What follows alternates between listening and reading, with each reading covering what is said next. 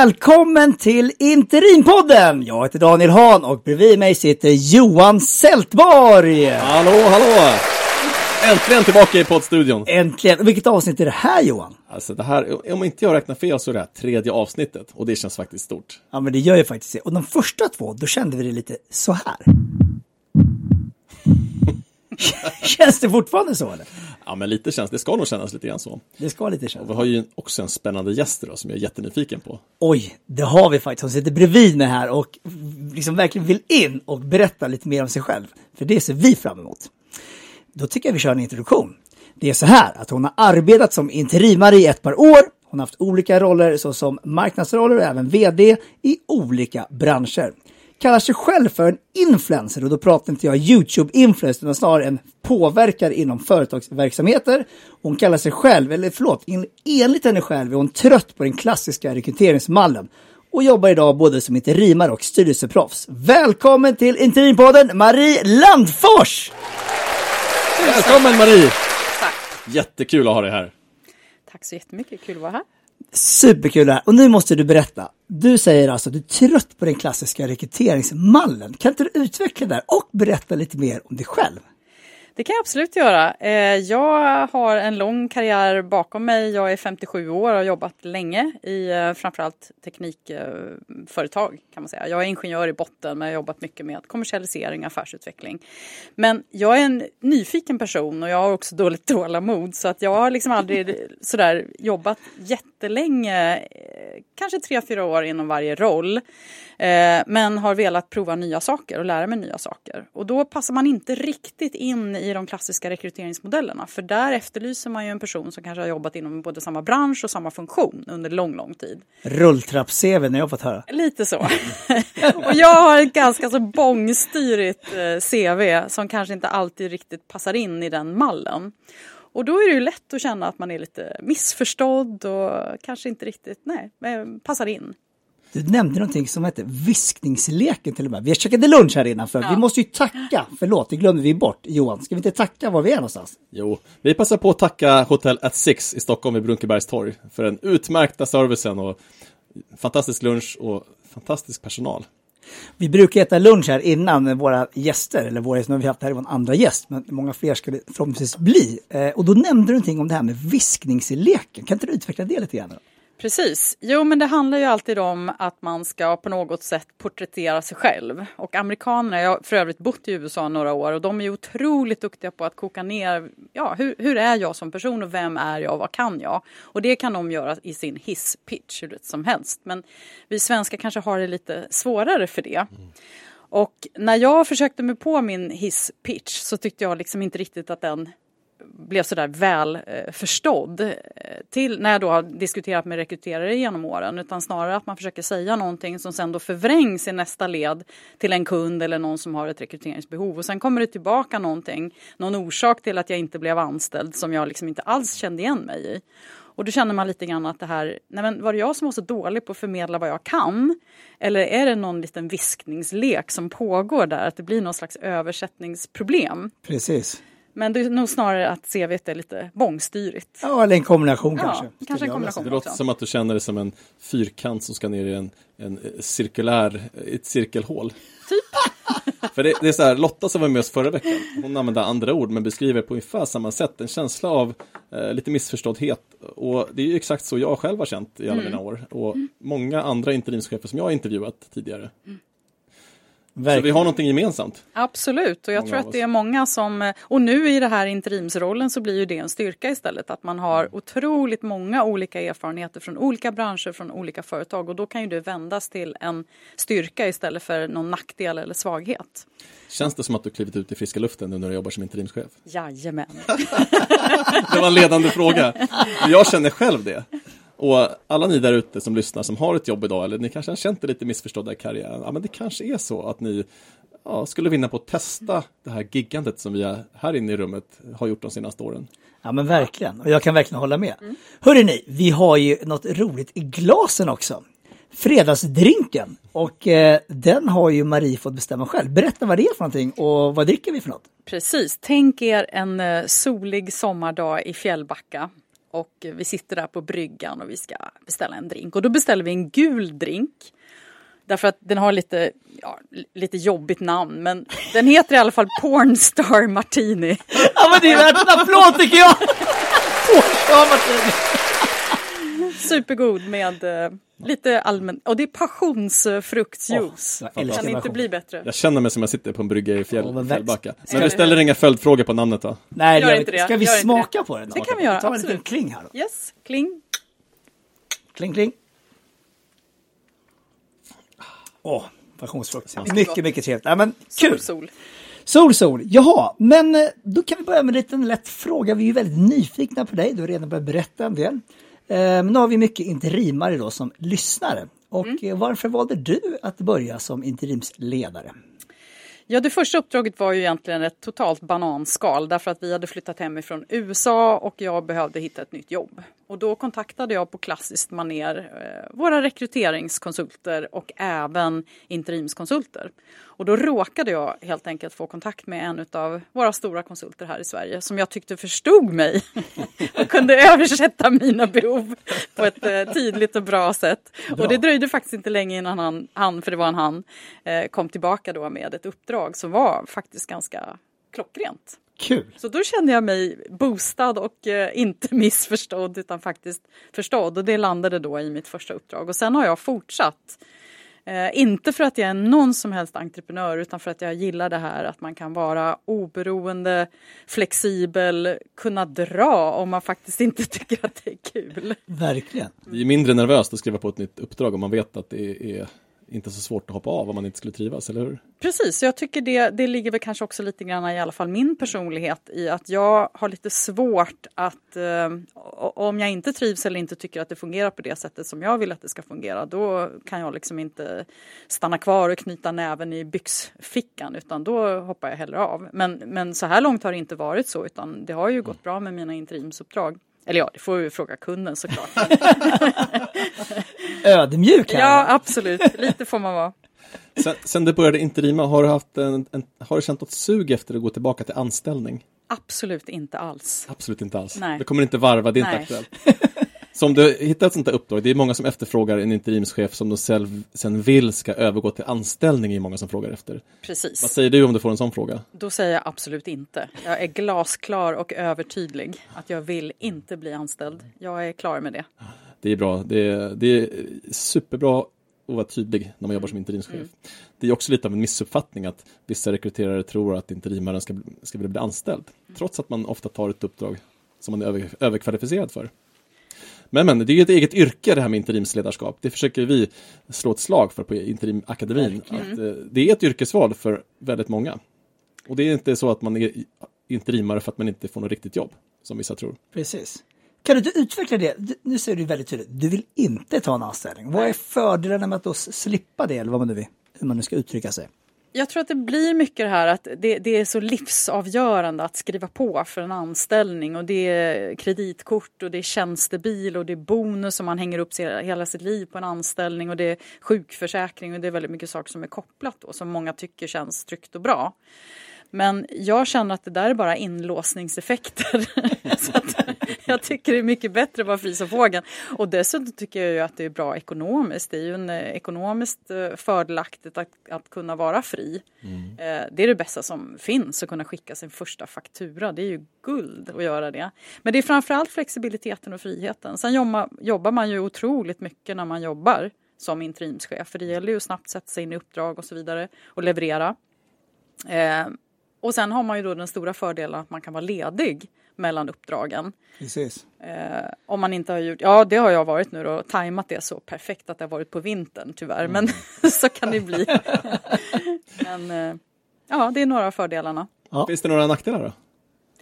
Nackdelarna är ju att man kanske inte riktigt odlar de där goa kollegorna som man kanske blir nära vänner med. För man håller ju sig lite oberoende mot sina kollegor och arbetsgivare så att säga. Det är ju trots allt en kund. Eh, och eh, ja, det är väl ungefär det.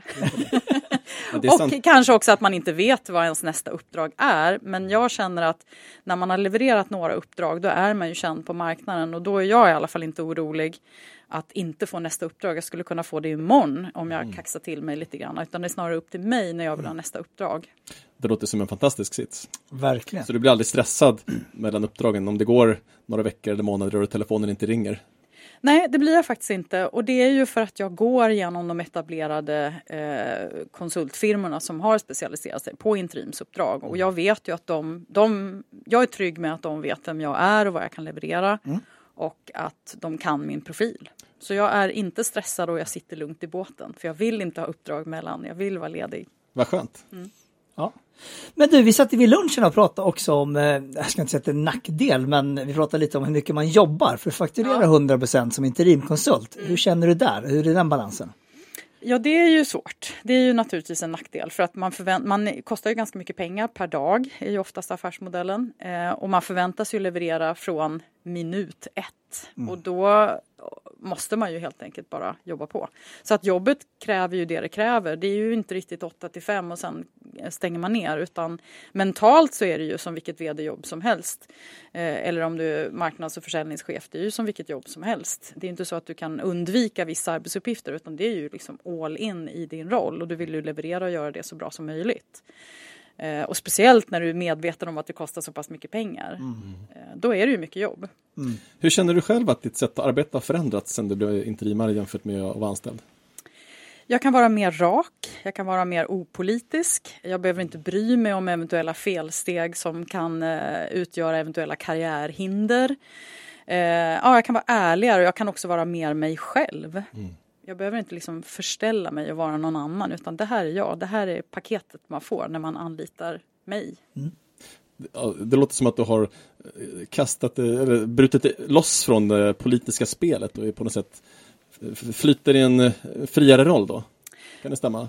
Ja, och ja, det, det tycker jag stämmer absolut. Och det är väldigt många som jag pratar med som tycker att det här politiska spelet är jättejobbigt. Och speciellt eh, kvinnor faktiskt. Jag tror att speciellt jag då som jobbar i, i eh, ja, ett, ett vanligt uppdrag för mig är ju ett teknikbolag eller ett tekniskt bolag där det är mycket män eh, som traditionellt sett kanske har varit vana att ta plats och synas och höras och är ganska duktiga på det här politiska spelet. Om jag nu får generalisera, vilket alltid är farligt. Men jag tror att man känner sig lite skrämd av det. Oj, shit, måste jag hålla på med det här politiska spelet för att få mitt nästa jobb? Kan inte bara min insats räknas? Eh, Och jag tror man, många känner sig skrämda av det. Och jag tycker det är jätteskönt att slippa, om jag ska vara helt ärlig. Det håller jag helt och hållet med om och det, det är många som tar fram det, tar, tar upp det som en av de stora fördelarna. Absolut. Ja, men vad bra. Eh, du, du kombinerar ju faktiskt interimsrollen med att sitta en hel del styrelseuppdrag eller styrelser också. Eller arbetar i styrelser. Så att hon sitter inte i Jag styrelsen skulle Daniel, precis arbetar i korrigera dig där, för det är inte korrekt. Det är men helt rätt. Jag, jag, jag eh, sirenar mig själv där helt enkelt. Nej, men Det finns, det finns många där ute som sitter i styrelser. Men eh, det är det inte är det. inte Marie. Nej. Nej. Eh, Nej, det, det, man får eh, lean in, som det Ja. var någon berömd eh, författare som skrev. Men vad kul. Men du, kan inte du berätta lite, hur hamnar du där? Trivs du med det? Är det något du kan dela med dig av till våra lyssnare? Absolut. Eh, Jag trivs med det. Det är ett väldigt bra komplement till interimsjobbet. Eh, För dels är man ju lite perioder som interimschef och kanske då ledig mer eller mindre några månader. Och då kan det ju vara gött att ha lite mindre uppdrag vid sidan om. Om man nu kan och har möjlighet. Så dels är det bra att- att balansera interimsjobbet med lite styrelseuppdrag. Och sen är det också väldigt, väldigt roligt att kunna eh, bistå med erfarenheter helt enkelt. Och de bolag jag är engagerad i är ju lite inte bara, men eh, någon har en yngre vd och då är det ju jättekul att kunna coacha och stötta med en massa erfarenheter helt Precis. enkelt. Eh, Så det är jättekul. Ja. Det här med styrelseuppdrag är ju någonting som många interimare tänker på. För jag jag håller med dig om att det är en, en bra kombination. Eh, För interimsuppdrag är ju, till skillnad från många konsultuppdrag, det finns många egenkonsulter som har många likheter med interimare. Men som interimare som du sa så går man ju all in på ett uppdrag, jobbar 100% eller kanske 80 i alla fall. Så man har bara ett uppdrag åt gången som regel. Men sen går man också all out och då har man kanske inte hunnit sköta sin försäljning och marknadsföring. Så då är man ju plötsligt från att vara mitt i hetluften till att vara totalledig. Och det kan ju för det första kännas ensamt eh, och det kan också ta, ta lite tid att hitta nästa uppdrag. Och då är det ju perfekt att ha lite små sidouppdrag. Det är lite grann, Absolut. lite grann det du var inne på. Och jag brukar eh, döpa mig själv till extrovert introvert för att jag liksom inte, det är inte dubbelliv för jag lever dem inte samtidigt utan jag varvar. Det har ju blivit så att man är ju oftast i en vd-roll eller en säljchefsroll eh, så är man ju ganska extrovert och träffar mycket människor och måste träffa mycket människor och vara ute hos kunder och det är det jag tycker är roligt. Men återhämtningen den är ju, den är ju tyst och ensam många gånger för en interimschef och då är det lite kul att ha uppdrag och kunna eh, ja, utmana sig själv och lära sig nya saker och också kunna vi pratar om att parallellförflytta kunskap, lite copy-paste från olika bolag. Ja. Det är roligt. Korsbefrukta. Ja, ja, det ger stimulans mellan uppdragen. Ja, exakt. Eh, lite extra intäkter i tider av när man inte har något uppdrag och sådär, någonting att göra. Mm. Men jag tyckte att det var ganska svårt att hitta mitt första styrelseuppdrag. Mm. För det är lite moment 22 det där. Har du, in, har du inte jobbat i styrelse så är det ingen som tror att du kan jobba i styrelse, alltså får du inga uppdrag. Så jag upp, har upplevt att det är ett väldigt stort moment 22, men så fort man har haft sitt första uppdrag i styrelse, ja men då är man plötsligt på marknaden på ett annat sätt. Du har ju på ganska kort tid eh, skaffat dig tre styrelseuppdrag. Har du några tips till dem som går och funderar på att de gärna skulle vilja jobba i styrelse men inte riktigt kommer in? Ja, det är ju nätverket, nätverket och nätverket. Det är väl ungefär det. Um, men, men jag tror att det är samma dilemma som första gången man ska ta ett interimsuppdrag eller första gången man ska ta ett vd-uppdrag eller första gången man ska ta ett styrelseuppdrag. Det gäller ju att få det första och sen tror jag nog att det ramlar på för då har du fått in det på ditt CV och bevisligen fått ut, eh, kunnat ta det in eh, i något uppdrag. Så nyckeln är ju att på något sätt armbåga sig in? Ja, men jag tycker också jag skulle rekommendera faktiskt en formell styrelseutbildning för det är lite grann entrébiljetten till det och faktiskt också ta din certifiering tenta av din styrelsekunskap och se till att mm. du har en bra kunskap innan du tar ditt första styrelseuppdrag. Och sen också granska bolaget väldigt noggrant. Kan jag tillföra någonting? Är det här ett bolag som jag eh, kan bidra i? Oh. Det vill säga arbeta i och inte bara sitta i en styrelse utan faktiskt bidra. Eh, så jag tror man ska vara lite, man ska inte bara hoppa på eh, vad som helst utan man måste verkligen känna att nej men det här kan jag bidra, här kan jag Eh, ja, här kan jag någonting. Ja, kursbefrukta eller bidra med någonting. Eh, så att uh, utbildning och sen nätverket och sen granska de företagen du eventuellt då ska gå in i. Ja, men jag förstår. Det är jättebra. Det är stor skillnad på 0 och 1. Det är ja. inte lika stor skillnad på 1 och 2. Nej, det är det faktiskt inte. Precis. Mm.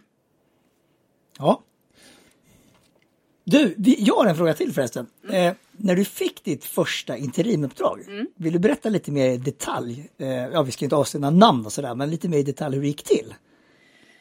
Eh, ja. Det har varit utomlands och så. Ja, precis. Vi hade bott utomlands faktiskt i två vändor. Första vändan så var det tänkt att jag skulle vara hemmafru, men jag blev fullkomligt uttråkad av det. Alltså, ja, men det kan jag väl aldrig tro. Nej. Du verkar ju passa så bra för att vara hemmafru. Hon sitter här och bara utstrålar hemmafruhet. ja, verkligen. Hemmafruhet. Inget ont om hemmafru, hemmafruar här nu, men ja. Men det var ett nytt ord dessutom, ja. hemmafruhet. Ja, precis. det är ja. något man är. Nej, men efter ett och ett halvt år så sa jag till min man att nu flyttar jag hem, du får göra klart ditt uppdrag bäst du vill. Alltså, jag, jag, kan nämna att vi har varit gifta i över 30 år så vi är väldigt goda vänner jag och min man. Men i alla fall jag sa att nu flyttar jag hem för jag tyckte det var tråkigt. Eh, andra gången vi flyttade hem då hade jag haft ett, eh, då var det lite andra, eh, lite andra, liten, liten annan visa därför att jag krävde helt enkelt av min mans företag att de fick anställa mig för att jag kände att jag kan inte gå här och vara hemmafru. Eh, så då hade jag ju faktiskt arbetat när vi kom hem till Sverige men det var ändå svårt att få uppdrag så då handlade det om att eh, ta kontakt med allt och alla. Så återigen den här klassiska ta kontakt med rekryterare, skicka ut mm. CVn, försöka berätta vem man är, försöka eh, hoppas att någon förstår mig vad jag kan. och då fick jag kontakt via nätverket. Mm. en god vän som hade en god vän som har startat en av de eh, största interimsrekryteringsbyråerna här i Sverige. Mm. Lång erfarenhet, så då fick jag god kontakt med dem. Kul! Så det var inte så mycket mer detaljer än så. Det Nej. dök upp ganska snabbt från det att vi hade etablerat kontakt till att jag faktiskt fick ett uppdrag mm. så tog det bara kanske två veckor. Så jag Oj, hade lite tur i tajmingen. Ja. Men vad är det Stenmark säger? Alltså jag citerar alltid Stenmark, folk är trötta på Det det. är tredje gången! Men det, varje avsnitt tror jag, men jag måste säga det. För det känns ju som en, som en jäkla röta. Supertur varenda gång ett uppdrag dimper ner i knät. Och det låter som att det kändes så för dig också. Som att det kommer från ett oväntat håll. Men vad är det Stenmark säger? Ju mer jag tränar, desto mer tur tycks jag få. Precis. Och du tar ju upp någonting som är jätte, jätteviktigt. Det här med att nätverka. Du har nämnt det två eller tre gånger redan nu. Eh, Och det är ju precis det vi säger också till alla som frågar. Att det handlar om att nätverka, nätverka och åter nätverka. Och det låter på dig som att du har varit duktig på att tala om för folk vad du vill och vad du kan. Ja, jag jobbade några år som eh, konsult i egen regi och tyckte det var otroligt svårt att sälja in liksom, projekt eller uppdrag. Och många säger att det är svårt att sälja in sig själv, men jag tycker faktiskt att det är mycket lättare att sälja in mig. Kanske för att det passar mig som person, men också för att jag bott i USA många år och där är det helt komplett naturligt att göra det. Och jag har också tagit hjälp av karriärcoacher. Hur ska jag pitcha mig själv? Och det gjorde jag faktiskt i USA. Så att jag tycker att det är lättare att sälja in mig själv och det gör man ju i sitt nätverkande. Men du, det här med hur man pitchar sig själv. Mm. Du nämnde faktiskt superintressanta saker vid lunchen. Kan du inte berätta lite mer och dela det? Jo, jag har jobbat i många år på ett stort eh, kemiföretag som heter Axel Nobel. Och där jobbade vi med en metod som heter Gallup Strength Finder. Det finns ju massvis med olika metoder hur man ska liksom mäta eller bedöma personlighet och det är 360 hit och det är 140 dit och vad det nu kan vara. Men den här heter i alla fall Gallup Strength Finder och eh, den handlar om, och det är självskattningsverktyg som alla andra verktyg så det är ju ingen sanning i det utan det är hur man skattar själv. Men det är 34 dimensioner och då ska man berätta, skatta själv vilka som är ens styrkor. Och då landar man kanske då i fem styrkor. Och det här betyder ju inte att jag inte har svagheter. Jag har massvis med svagheter precis som alla andra har. Men metoden och metodiken som jag älskar i Gallup Strength Finder det handlar ju om att man ska eh, hitta en miljö och ett sammanhang där man kan, eh, där helt enkelt ens styrkor kommer till sin rätt Precis svagheter har vi alla och de kanske vi måste vara både medvetna om och i viss mån jobba på. Men det är liksom inte där du ska utvecklas. Du ska försöka hitta ett företag, ett uppdrag, en, eh, en, en, en kultur som du gillar helt enkelt. Där dina styrkor kan komma till sin rätt. Och vad var det för styrkor då? Ja, och det här pitchen kommer in. det här är min hisspitch. Och den är ehm, på svenska då eh, driv, inspiration, kommunikation. Här kommer inte ett svenskt ord, det heter woo, alltså W-O-O på engelska. Och det handlar om att man har, eh, i alla fall uppfattar mig själv, att jag har lätt att få med mig folk. Och den sista är kanske lite oväntat enligt min man. Eh, harmony. Och då säger min man att ja men du är ju inte konflikträdd. Nej det är jag inte. Men jag vill inte ha en oavslutad eller inte landad konflikt. Jag vill att den ska vara liksom att man ska ta i hand på slutet och säga att vi är inte bästa vänner men vi har i alla fall landat i någonting. För annars så sover jag dåligt på natten. Så att eh, där Man kan, landar tycka, harmony. man kan ju tycka att konflikter är jobbigt utan att vara konflikträdd. Precis, Precis. absolut. Jag tycker att det är jobbigt. Många blandar ihop det. Ja, många blandar ihop det. Och som ledare och som interimschef så kommer du att ta konflikter. Har du inte gjort det hittills, då har du, då har du haft något unikt uppdrag. Ja, faktiskt. Jag tycker det var väldigt intressant det du sa, för i en av mina roller då som anställd eh, så erbjöds det möjligt att prata med en psykolog eller livscoach var det kanske snarare. Eh, och det var en han och han sa precis samma sak. Nej, men vi har alla svagheter, men du ska jobba på dina styrkor. Och, och liksom, ja, försöka hamna i den typen av kontexter.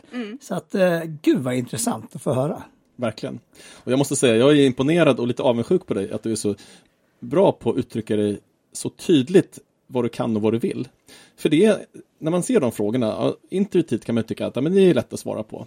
Men när man ska koka ner det till en hisspitch då, det har tagit mig flera år att komma fram till någonting som är ganska trovärdigt. För det gäller ju också att våga avgränsa sig. Och inte Precis. lockas i fällan att prata, prata om 15 olika saker som man kan, utan kanske nöja sig med tre. Du har fem styrkor. Och jag tror att det är en anledning till att du har så lätt att hitta uppdrag, att du kan vara så tydlig med dina styrkor. Jag hoppas att det är en fördel. Sen får man ju aldrig tappa sin ödmjukhet såklart. Nej, men jag Men- tycker inte det finns men- någon motsägelse. Jag, jag upplever dig som ödmjuk samtidigt som du är tydlig med dina styrkor. Verkligen. Men jag tror att det här är något jättelätt faktiskt som var och en av oss kan göra. Att, att skapa sin hisspitch. Du kan samla ihop alla dina omdömen som du har fått professionellt genom livet. Mm. Fråga vänner, fråga gamla kollegor, fråga gamla chefer. Vad är mina fem styrkor? Och då får du ett stort vitt blankt papper med kanske hundra ord. Och sen grupperar du ihop dem i fem grupper och sen sätter du en rubrik på var och en av de fem grupperna så har du din hisspitch. Mm. Fantastiskt. Här fick vi en metodik på köpet. Ja, hur lätt, oj, oj. som en plätt. Nej men faktiskt, jag jobbade lite med det när jag ändå då var var lite hemmafrulig i USA. då passade jag på att eh, ta hjälp faktiskt av en eh, amerikansk karriärcoach, Debra. Och det var hon som hjälpte mig med det här. Det kanske inte är så dumt att anlita amerikanska karriärcoacher i sådana sammanhang. För vad vi brukar säga det är att, eh, interims, eh, söka, att söka interimuppdrag mm. det behöver gå mycket snabbare än att söka jobb. Så vi brukar säga att du behöver ta fram en hisspitch för en låg byggnad. Den är lägre än eh, när du söker jobb. Ja, det var ett bra sätt att uttrycka det på. Det går väldigt, väldigt fort. Mm. Vi, kan inte, vi har inte tid att åka upp i Empire State Building utan vi kanske kan åka upp möjligen i Kistatornet. Precis. Nej men om man då backar till tre för min del då, kommunikation, driv och inspiration. Ja men det är väl där någonstans du behöver, du behöver kanske ha det med dig också i ett ledarskap. Du måste kunna kommunicera och speciellt om du jobbar med förändring och mm. förändringsledning. Då måste du kunna kommunicera. Vart ska vi? Mm. Vart är vi nu och hur kommer resan se ut? Ja men verkligen. Du, om vi pratar lite eh, mer om interim, så mm. eh, vi pratar lite om fördelarna. Finns det några fallgropar eller någonting lite så här, tänk på det här saker som du kan dela med dig av?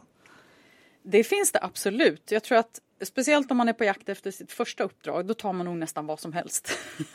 Japp. Eh, det är svårt och att jag, jag är väldigt noggrann med att inte ta uppdrag eh, utanför mina klassiska roller och heller inte i en bransch som jag inte begriper. Jag har aldrig jobbat inom mode eller youtuber eller något sånt, influencer till trots. Eh, jag håller mig till eh, någonting inom kommersialisering eller kommersiell verksamhet och teknikbolag. Mm jag kan inte mode eller retail eller mm. något sånt. Så att jag tror att man ska vara väldigt eh, eh, noggrann med vilket uppdrag man tar. Mm. Även om man är supersmickrad och superlockad och har dålig ekonomi. så ska man nog skapa sina egna bra eh, förutsättningar redan från början. Ja, det gäller ju att eh, känna sig trygg att man kan genomföra det. Mm, exakt, du, du ska inte bara ordet... få det, du ska också kunna göra det, genomföra Precis. det. Du nämnde inte ordet avgränsningar, men det är någonting som vi pratar mycket om också, att avgränsa din pitch och vara tydlig. Men du, vi kommer också osökt in på det här med att översälja sig själv. Mm. Det är man ju van vid, åtminstone ja. vi män är ju vana vid att alltid översälja oss och ja. bara hoppas på att det löser sig. Men jag håller med dig om att det är ingen bra idé att göra som interimare, för man har ju ingen tid att lära sig någonting. Det, det gäller att man, man måste kunna det från början. Ja. För hur är det med det här med smekmånad? Får man det som interimare? Absolut inte. Ledande fråga igen. Får man en smekdag? Uh, ja, kanske. Möjligt, möjligen. Ja. Därför att du kan vara proaktiv själv också och säga att du behöver tre veckor för att intervjua hela organisationen. Ja. Mm. Då, har du fått, då har du skapat dig en liten, men det kan vi komma in på senare kanske. Ja. Men, eh, nej, men det finns absolut fallgropar. Dels om du har varit utan uppdrag väldigt länge. Då tappar man ju självförtroende kanske också till och med. Ja. Eh, eller om man inte ens har lyckats få ett första uppdrag. Och det behöver inte betyda någonting alls. Men när man väl har fått det då ska man nog vara lite noggrann att man kan leverera. Hur ska man få upp sitt självförtroende då, om man går där och harvar? Det har jag själv drabbats av. För mig går det ganska snabbt att tappa självförtroendet med den uppdragen. Du brukar jag gå fram och ge Johan en kram. jag, jag brukar säga att no, men en kram är bra. Jag lyssnade på en annan podd här på förmiddagen faktiskt om olika hormoner, hur man kan själv eh, få upp sina... Ska man dopa sig? Ja, det ska man Anabola. faktiskt. En Pornstar Martini! Ja, precis. Man ska dopa sig. Ja, det kanske var fel doping, men okej. Okay.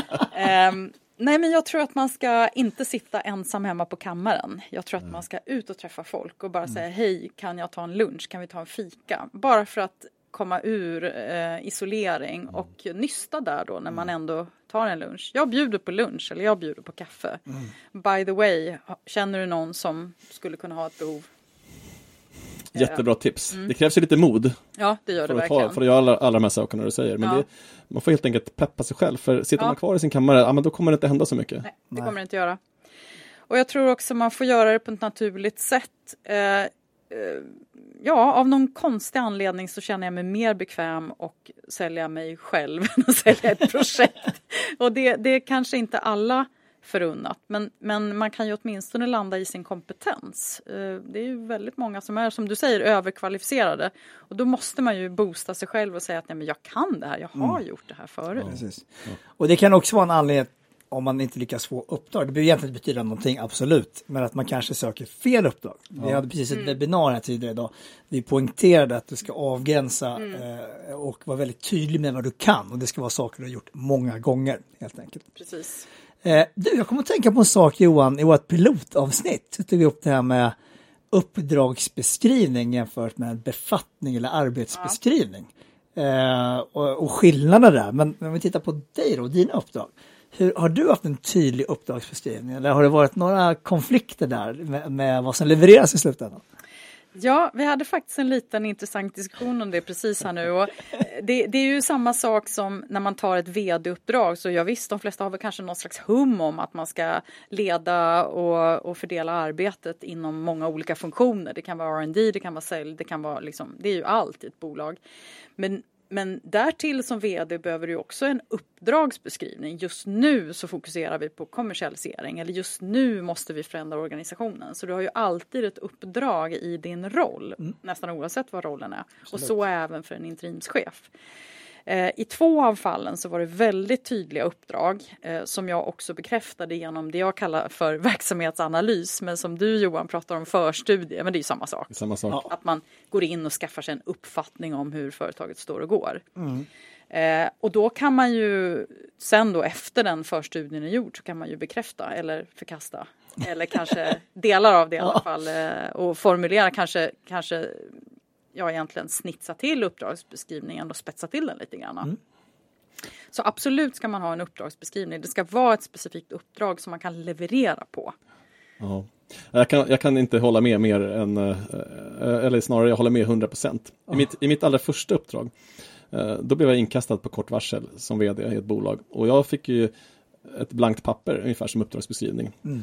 Och då hade jag inte förstått vikten av det eller förstått skillnaden med att vara anställd. Instruktionen var egentligen in och vd med det, det har du gjort förut, det kan du ju. Men vad händer om man bara går in och vdar? Jo, då ska man stoppa händerna i varenda syltburk som finns i hela företaget som en vd normalt sett gör. Mm. Men då, fick det, då var det uppenbart efter någon månad att, att det, det, blev inte så mycket gjort. För rullar man tio stenar, då, lycka, då kan man inte rulla dem särskilt långt. Men i ett uppdrag där man hela tiden bedöms, då behöver man ju fokusera på att rulla en sten långt mm. så det mm. verkligen märks skillnad att du har varit där. Precis. Och jag kan kanske utmana det lite grann. Eh, ja. Du kan ju också använda dig som en medveten teknik att faktiskt eh, ta några snabba förändringspuckar som är lite harmlösa eller som kanske inte vänder företaget ut och in men du har ändå visat att du har gjort någonting som kanske skapar någon liten förändring. Lågt hängande frukt. Exakt, jag tycker bara så tråkigt ord. eller tråkig mening. ja, jag ber Undvek det avsiktligt. Det är andra podden i rad som jag blir dissad för mina uttryck. Ja, jag måste förnya mig, jag börjar bli gubbig, jag märker det. Eh, för att helt enkelt bygga upp lite förtroende lite snabbt. Eh, du väljer medvetet kanske en eller två snabba puckar för att sedan komma till den stora pucken som kan vara både känslig och lång och den enda tunga jobbiga stenen. Det låter jätteklokt. Men hur hittar man den då? Man hittar den i sin förstudie. Ja. Eh, jag brukar säga att när man kommer in som chef, oavsett om det är interimschef eller någon annan chef, eller som konsult för den delen, så är det ju inte konsulten eller chefen som vet lösningen, utan det är ju organisationen själva. Det sitter ju otroligt mycket kunskap i en organisation. Så det är ju inte så att vdn gör den stora skillnaden, utan det handlar ju om att plocka fram det. Och det får man ju ut genom att intervjua människor. Prata, prata, prata, verkligen skaffa dig en bra plattform så att du har mm. koll på läget. Hur står och går det här företaget? Mm. Kanske sammanfatta det i en SWOT. En organisatorisk och eh, affärsmässig SWOT. Just det. Man pratar, ju, man pratar ju ofta om att interimare, det här är också klyschigt, nu är det varning för klyscha direkt här, men man pratar ju ofta om att interimare landar springande i uppdrag. Mm. Och eh, det håller jag med om att det gäller att det händer grejer redan första dagen. Mm. Men, eh, men det här med att börja med de lite ofarliga förändringarna, det tycker jag, det håller jag med om, det, låter, det är ju väldigt klokt. Mm. Men när tycker du man kan börja med de lite jobbigare sakerna då, som, inblandar, som inkluderar fler människor och kanske väcker mer känslor? Eh, jag tror att det beror naturligtvis på vad det är. Om det är ett företag som har stora problem då kanske man ska vara väldigt tydlig med att säga att vi kan inte fortsätta som tidigare. Vi måste börja förändra nu. Och vi gör så här och så här och så här. Men jag tror att förtroende är ju en enormt stor fråga i alldeles särskilt interimsuppdrag. Du måste raskt skaffa dig ett förtroende i organisationen. Och jag brukar göra det genom att göra just den här förstudien, intervjua så många som möjligt, verkligen sitta ner. Om det är något som är oklart, gå tillbaka till den personen. Det skapar bara förtroende. Mm. Eh, inte lova någonting, för det har jag också varit med om. Det här, syftet med det här är inte att lova att vi ska göra de här förändringarna, utan syftet är bara att göra en förstudie. Eh, inget mer. Eh, för det har jag också varit med om att det skapar för stora för, för, förväntningar. Mm. Och sen får man ju i samarbete då med styrelse och ledningen och uppdragsgivaren beroende på vilken roll man har komma fram till vad är det mest akut. Mm. Och på så sätt formulera sitt uppdrag. Väldigt kloka ord. Nej, nu tar vi lite trummor.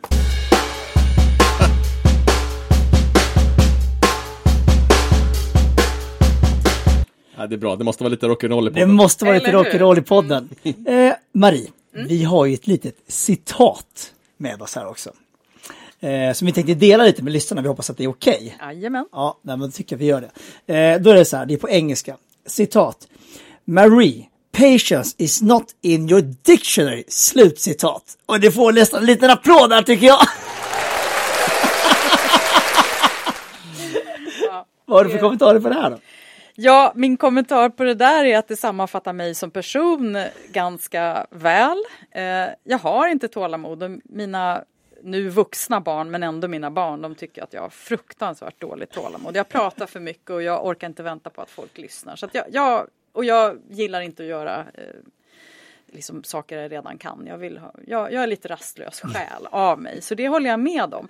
Men jag tycker också att det ofta används i lite fel sammanhang. För man säger åh, du har så dåligt tålamod. Ja, då har du redan preppat det med negativa värderingar. Så kort är lika med dåligt. Ja, precis. Eh, det är liksom dåligt tålamod är lika med dåligt. Liksom. Mm. Om du vänder på det då istället så får du ju den andra sidan av myntet som kanske är drivet och engagemanget och en vilja att uh, utveckla och att komma framåt. Verkligen.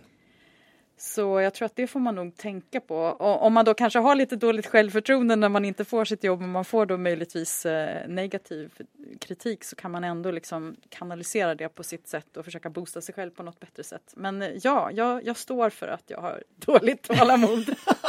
Bad patience and I'm proud. ja, typ så. Exakt. Ja.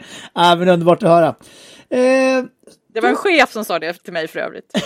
Men tyckte han att det var bra eller dåligt? Jag vet inte. Jag tordes nog inte fråga. Klassiska chefs Det var för tidigt i min karriär. ah, vad härligt. Eh, vi har ju en hel del lyssnare som skickat in lite frågor, men vi tänkte så här, du har ju säkert lite anekdoter eller stories eller war stories och dela mer av. Eh, nu bara spontant har vi fram en fråga men har du någonting du kan tänka dig att dela med av? Ja, alltså när du ställer frågan så hade jag nog behövt jag brukar vara ganska spontan och det brukar dyka upp grejer så spontant men just på den här frågan så vet jag inte om det dök upp så där himla mycket spontana grejer. Jo, men jag kan, jag kan faktiskt berätta om när jag var så där hemmafrulig och lite, och lite desperat. Desperate housewife? Nej, säg inte det för det är något helt annat. Andra gången? Så du har varit med där alltså? Intressant. Um, och då kände jag så här, jag måste ut och arbeta. Och jag struntade i vad det är. Alltså jag läste ju kurser, jag var med i eh, granngruppen, jag var med i föräldragruppen, jag skrev någon nyhetsartiklar men jag kände att jag måste göra något lite mer kvalificerat. Så jag fick kontakt med, eh, det finns ju väldigt många svenskar i Chicago där vi bodde och jag var engagerad i Svenska Amerikanska Handelskammaren och Svea och allt vad de här eh, grupperna heter. Eh, så någon form av anekdot var väl ändå att jag tog ett jobb utan betalning. på en reklambyrå faktiskt. Ja, så där mm. ja. Eh, de reklambyrå, det var inte reklam utan de jobbade det var snarare en varumärkesbyrå. Mm. Och den ägdes och drevs av en svensk. Så att jag fick ju naturligtvis jobbet för att jag var svensk och för att jag kände honom. Oh. Men jag sa att Bengt, jag gör vad som helst bara jag får arbeta. Så då hade de... Bara, yes. Ja, nej men det var faktiskt lite så. Jag ville liksom bara andas lite frisk luft och få något att, att göra. Ja. Eh, så då gjorde jag det. Och då handlade det om, de hade fått in en eh, känd eh, global eh, konsultbyrå hade gjort en förstudie där de hade sagt att det här patentet för en annan känd, känt stort kemiföretag, det här patentet kommer att revolutionera er produktserie. Och så hade de kommit till den här varumärkesbyrån och sagt att ja, vi vill ha ett nytt varumärke på den här produktlinjen, men vi vill också ha en liten second opinion. Är det här eh, gångbart? Är det här så bra som de säger? Så då ägnar jag mig åt lite grävarbete för att ta kontakt med lite folk i branschen och kolla huruvida det skulle bli som revolution eller inte. Det blev varken produkt eller varumärke kan jag säga. Men du fick arbeta? Jag fick arbeta gratis. Men har du lärt dig ta betalt sen dess? Ja, det tycker jag. Så nu får du betalt när du Nu får jag betalt. Ja, men det var skönt att höra. Det är därför jag jobbar som interimschef, eller hur? Ja, För jag vill ju ha betalt. Ja. Ja, vad kul. Eh, nu ska vi se, nu börjar vi närma oss slutet av podden. Har du en avslutande fråga eh, Johan? Annars så... Ja, faktiskt en sak som jag är nyfiken på. Eh, Det är så här, eh, du har ju beskrivit att ditt första interimsuppdrag, det var även ditt första vd-jobb. Precis. Och det är ju ganska ovanligt. Just. För det är generellt sett ganska svårt att få interimsuppdrag som är i roller man inte har haft tidigare. Så jag är jättenyfiken på hur du lyckades med det, för det är ju en bedrift. Ja, ehm, jag hade lite tur. Det var väl det jag skulle säga. Men vad är det Stenmark säger? Ja, Precis. Alltså, jag tror aldrig att jag har haft dåligt självförtroende. Jag har nog, eh, och kanske numera också god självkänsla också. Så jag har hela tiden vetat att det skulle jag nog förmodligen vara ganska bra i en sån roll. Och just det här bolaget var ju ett litet bolag eh, och jag hade jobbat mycket, mycket med sälj innan och de hade verkligen, det här vd-uppdraget var sälj. Så det var inte så konstigt, man skulle nästan kunna säga försäljningschef. Ja, så du hade med dig många av de redskapen som behövdes? Ja, precis. Eh, och sen det här med att vara vd var, ja, men det var inte så konstigt. Jag har jobbat i stora företag, jag har jobbat som konsult, jag hade sett mycket, jobbat utomlands, sett mycket och var ganska erfaren ändå. Så det fanns mycket att plocka av i bagaget. Ja. Men det låter som att du, hade, du var väldigt klar över vad du vill och vad du kan Ja, redan då. ja, Vi upprepar det som ett mantra. ja för det, det, det, det, är- jag. för det, det är för mig två nyckelfrågor för att, eh, för att ta sig fram som interimare. Ja. Ska vi säga kvintra då istället för mantra? Kvintra var ett nytt ord för mig. Ja, Ja, ja men det var bra. jag lärde dig killräckligt tidigare idag. Ja, Ja, precis. Tillräckligt är lite kvintra. Ja, men vad härligt. Men eh, då börjar vi närma oss slutet på avsnittet och som ni märker diskuterar vi utmaningar och olika framgångsrecept för att Förlåt, lyckas. Marie, Marie ville ta en skål så vi måste skjuta in. Ja, men jag, förlåt. jag vet ju inte om du tänker komma få med det. Eller om Nej, jag men ska det, är här. klart att vi ska ha en skål. Klirrelir. Clear. Skål och tack för att du kom hit.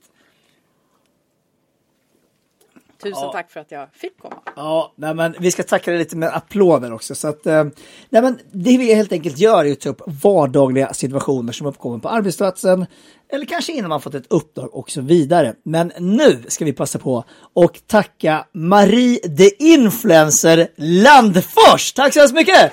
Tack ska du ha. Superkul att ha dig här i podden. Tack så Interimpodden. Ja. Jätteroligt att vara här. Verkligen, och superspännande att möta dig också. Jag hoppas vi kan fortsätta hålla kontakten. Vi har fått en jättefin energi här i rummet. Ja, ska ta med mig när jag kommer hem. Thanks for having me. Nej men hörni, eh, och ni lyssnare, då är det bara kvar att tacka för oss. Eh, ni får jättegärna mejla oss på www.interimakademin.se, där som har mejladresser om ni har frågor. Om ni är sugna på att komma som gäster får man jättegärna höra av sig också, eller andra saker som ni vill ta upp. Eh, och eh, ja, vi har även lite gratis webbinarier och utbildningar, så får jättegärna kika lite på hemsidan. Så nu kvarstår enkelt bara att tacka för oss. Tacka för oss, Interimakademin, av interimare, för interimare. Ja, men det är bra Johan, det där får vi ta en applåd. Tack så hemskt mycket, hej på er! Hej!